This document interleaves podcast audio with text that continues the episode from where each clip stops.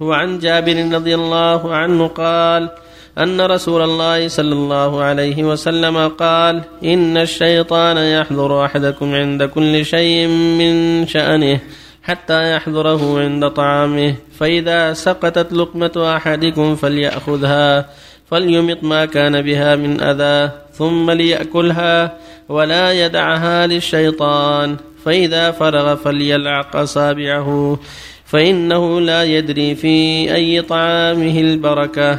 رواه مسلم.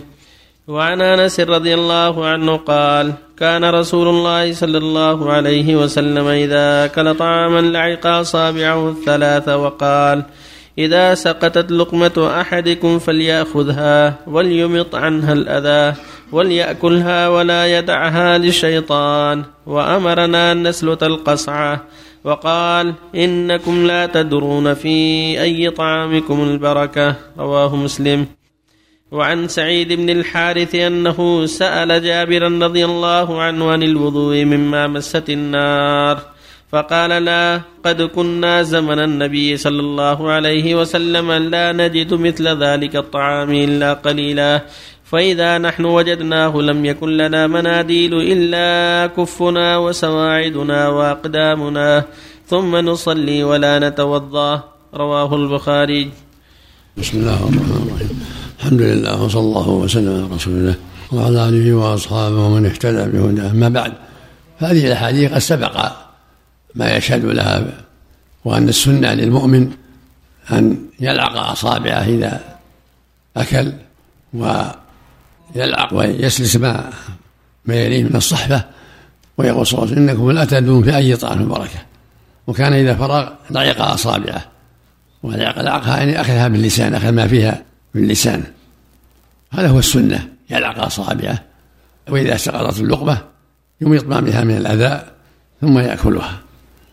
وفيه دلالة في الحديث الأخير الثالث على أن أكل مسة النار لا يوجد الوضوء.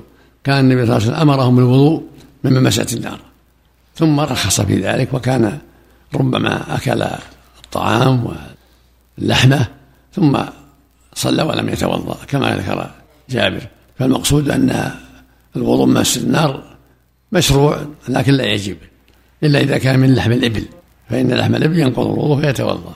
أما ما سواه فلا حرج. ولهذا قال صلى الله عليه وسلم توضأ من لحم الإبل؟ قالوا يا رسول أنا أتوضأ من الإبل؟ قال نعم. قالوا أنا أتوضأ من لحم الغنم قال إن شئت. أفضل لأن قال إن شئت. فمسته النار لا حرج فيه ولا يجب منه الوضوء إلا إذا كان من لحم الإبل. وفق الله الجميع نعم. صلى الله عليه شيخ. مرأة تسأل. مرأة تسأل. نعم. توفى زوجها وهي في بيت الحجاج بعض الأخوات يريدون أن يأتون إليها. مجموعة من النساء مع زوجاتهم يريدون أن يعملون في بيتها. ذكرى أو أحد يتحدث في الدين وكذا يقول هل هذا الكلام مشروع غير مشروع؟ كان من أجل التعزيم من أجل العزاء ما الحاصل. أما لو كان يعيشون ليعملوا عزاء من أجل الموت ما يصلح. أما إذا كانوا محتاجين البيت يصنعون طعاما لهم لضيوفهم فلا بأس. إذا كان جيرانهم محتاجين لبيت بيتهم كثيف صغير يحتاجون البيت المحاد يطبخون فيه طعاما لضيوفهم فلا بأس هذا من باب التعاون. الله يريدون ان يعملون التعاون يريدون ان يعملوا فيها ذكرى يعني واحد يتحدث وكذا. من أجل من أجل الميت؟ من أجل الميت؟ أقول من أجل الميت ولا من أجل إيش؟ الذكرى والشيلة. والله ما أدري هم يقولون هكذا يريدون أن هذا كلام مشروع ولا غير مشروع لا مهم مهم مشروع. مهم مشروع. إما ما إذا كان عزم أخوهم أحد إخوانهم لوليمه واحبوا يذكر بعضهم بعضا لا بأس. أما هذا لا. أما إيجاد ذكرى ما لها أسباب ما يصلح لا ما يصلح. النبي صلى الله عليه وسلم جرير رضي الله قال كنا نعد لأجتماع الميت وصنعة الطعام له صنعة الطعام بعد الموت من الرياح. أما إذا كان لها أسباب إنسان بعزم إخوانه جاي من سفر أو قاموا من مرض أو يعزم إخوانه ويحط لهم وليمة في بيت المحادة لأن بيت تبضع كثيف صغير هذا من باب التعاون. جزاك الله خير. أحسن الله إليك يا شيخ. قول صلى الله عليه وسلم ثم ليأكلها ولا يدعها للشيطان. للوجوب. هذا أصل في الأوامر لكن السنة معروف عند أهل العلم السنية. سنة. ولا الأصل في الأوامر الوجوب. ما لها لا يعزي متى متى تيسر. ولو بعد شهر متى متى تيسر التعزية؟ بالمكاتبة أو بالهاتف أو باللقاء. يقول اجتماع الأقارب للتعزية في البيت. لا ما لها أصل. كل يعزي ويروح. يجيهم يعزي ويروح. لكن نفس الأقارب. تجمع مخصوص ما لها أصل.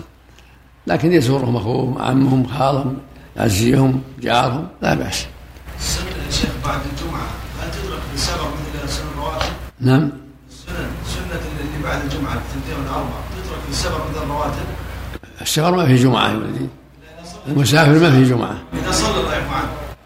إذا صلى مع الناس جمعة يصلي بعدها أربعة. لا يصلي بعدها أربعة.